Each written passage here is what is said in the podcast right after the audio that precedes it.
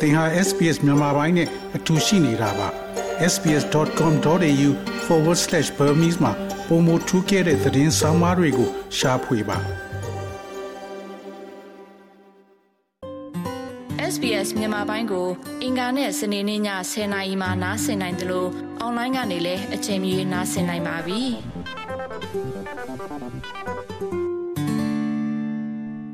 ။တော်ရရှိမြတ်မြတ် January လ26ရက်နေ့ဟာ Australian Day အနေနဲ့ပျော်ပွဲရှင်ပွဲများကျင်းပကြသလိုဌာနေတိုင်းသားများကတော့ဒါကသူတို့နိုင်ငံကိုကျူးကျော်ခံရတဲ့နေ့ဆိုပြီးဝန်းနေသောနေ့အနေနဲ့ကျင်းပကြပါတယ်။ဒါကြောင့် Australian Day ဟာဘလို့ပေါ်ပေါက်လာလဲဆိုတာကို ကြည့်ကြအောင်ပါ။ Australia ရဲ့အမျိုးသားနေ့ဟာနိုင်ငံရဲ့အတိတ်ကိုလိုနီဖြစ်ပေါ်လာတဲ့အပေါ်မှာအရင်ခံထားတာဖြစ်ပါတယ်။အဲ့ဒီနေ့ဟာ 1988ခုနှစ်ဇန်နဝါရီလ26ရက်နေ့မှာ British ပထမဆုံးရေတပ်သင်္ဘောဆက်တစ်စင်းကိုဘီရင်ခံအာသာဖိလစ်က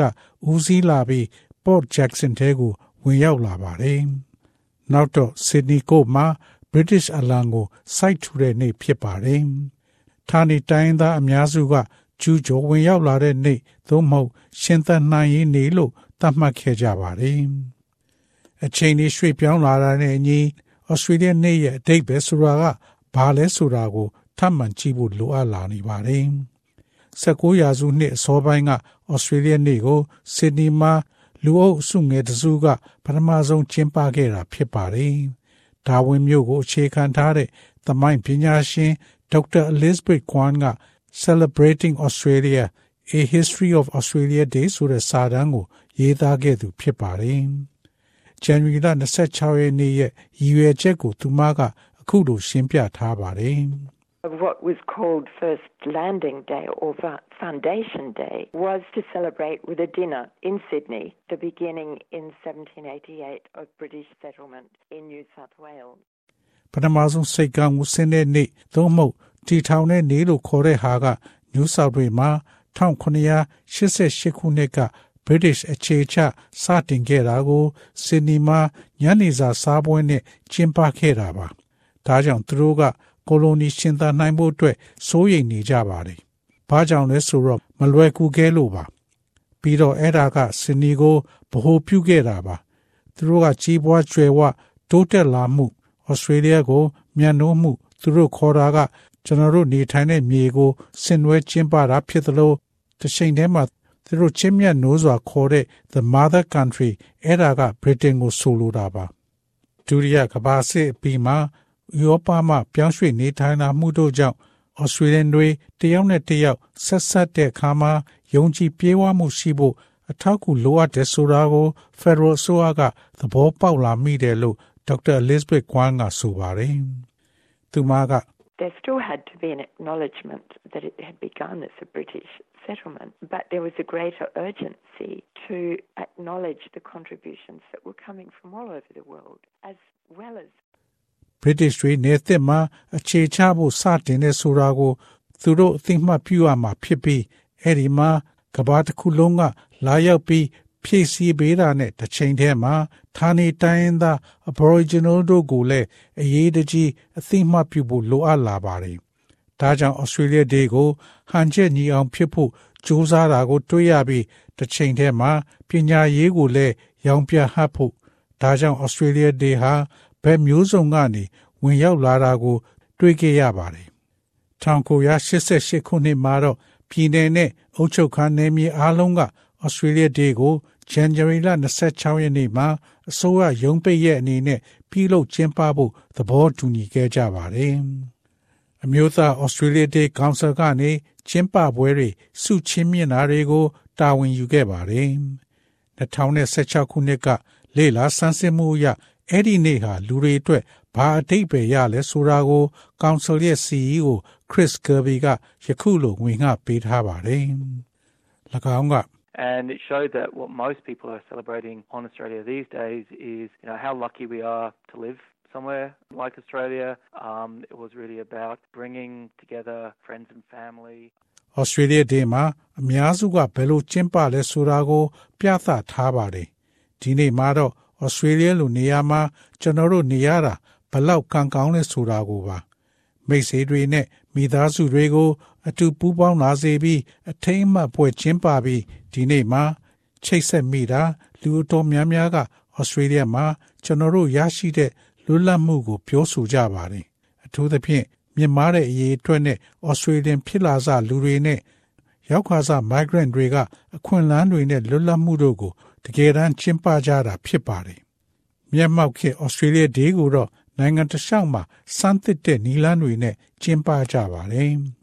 တခြားနိုင်ငံတွေမှာလို့ကျွန်တော်တို့အမျိုးသားနေ့ကမတူပဲတကယ်တမ်းမှာတော့စိတ်ပြေလက်ပြောင်းတဲ့လူတွေသူတို့စိတ်ပါတာကိုလောက်ကြတယ်လို့ Chris Kirby ကဆိုပါတယ်။ Australia Day မှာနိုင်ငံသားခံယူပွဲတွေကိုနိုင်ငံတော်ဝန်မှကျင်းပပြုလုပ်ကြပါတယ်။ဒီလိုဒီနေ့မှာနိုင်ငံသားခံယူပွဲတွေ လှုပ်ဆောင်ဖို့အတွက် Immigration ဌာနကအားပေးခဲ့ပါတယ်။ Australia Day အချိုနေ့မှာလူထုနဲ့နိုင်ငံအတွက်သိသာထင်ရှားစွာ အကျိုးပြုသူများကိုဝန်ကြီးချုပ်ကဆုချီးမြှင့်ပါတယ်။သို့တော်လည်းဇန်နဝါရီလ26ရက်နေ့ကို နိုင်ငံရဲ့ပထမဆုံးလူမျိုးတွေအတွက်ကကျူးကျော်ဝင်ရောက်တဲ့နေ့သို့မဟုတ်ရှင်သန်နိုင်ရေးနေ့ဗြိတိန်ကကော်လိုနီလုပ်တဲ့နေ့အနေနဲ့ထင်မှတ်ထားကြပါတယ်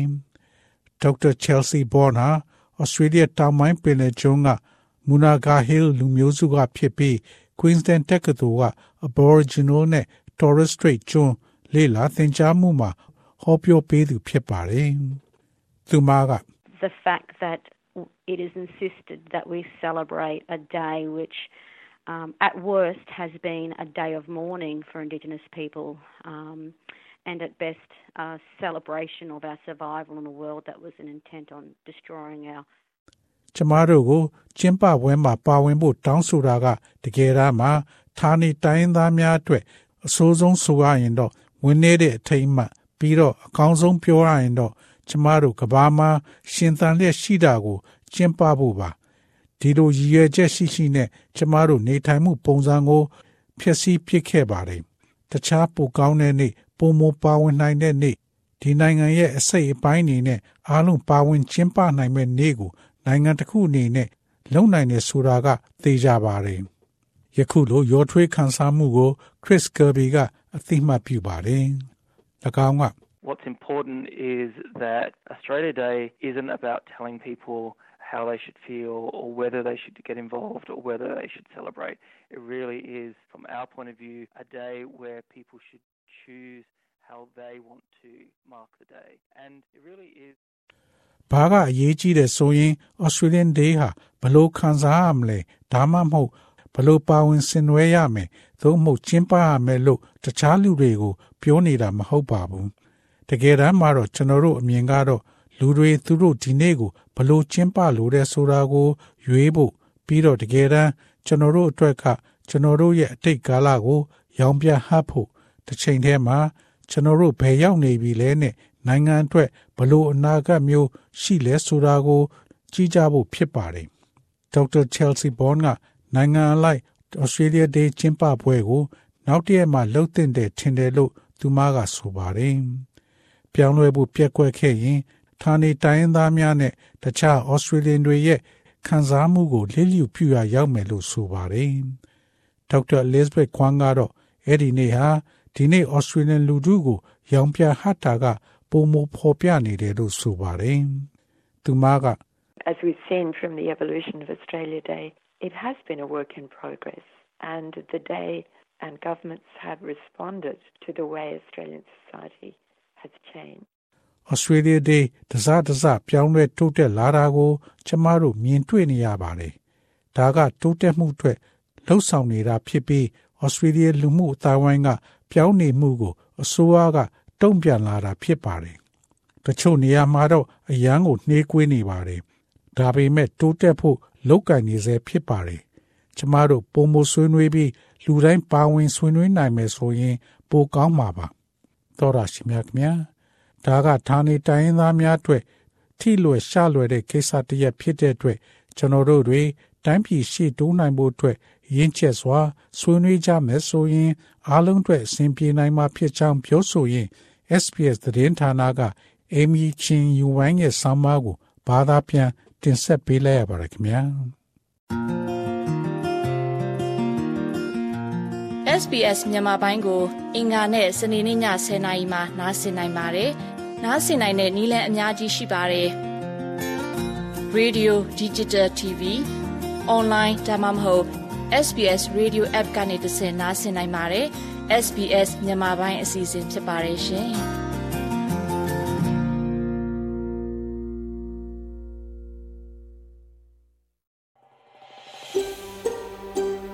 ဒါမျိုးသတင်းဆောင်မာတွေကိုပိုနားဆင်လိုပါလား Apple Podcast Google Podcast Spotify တို့မှာသင်ပင်ရာဖြစ်ဖြစ်ရယူတဲ့ podcast ကနေပါ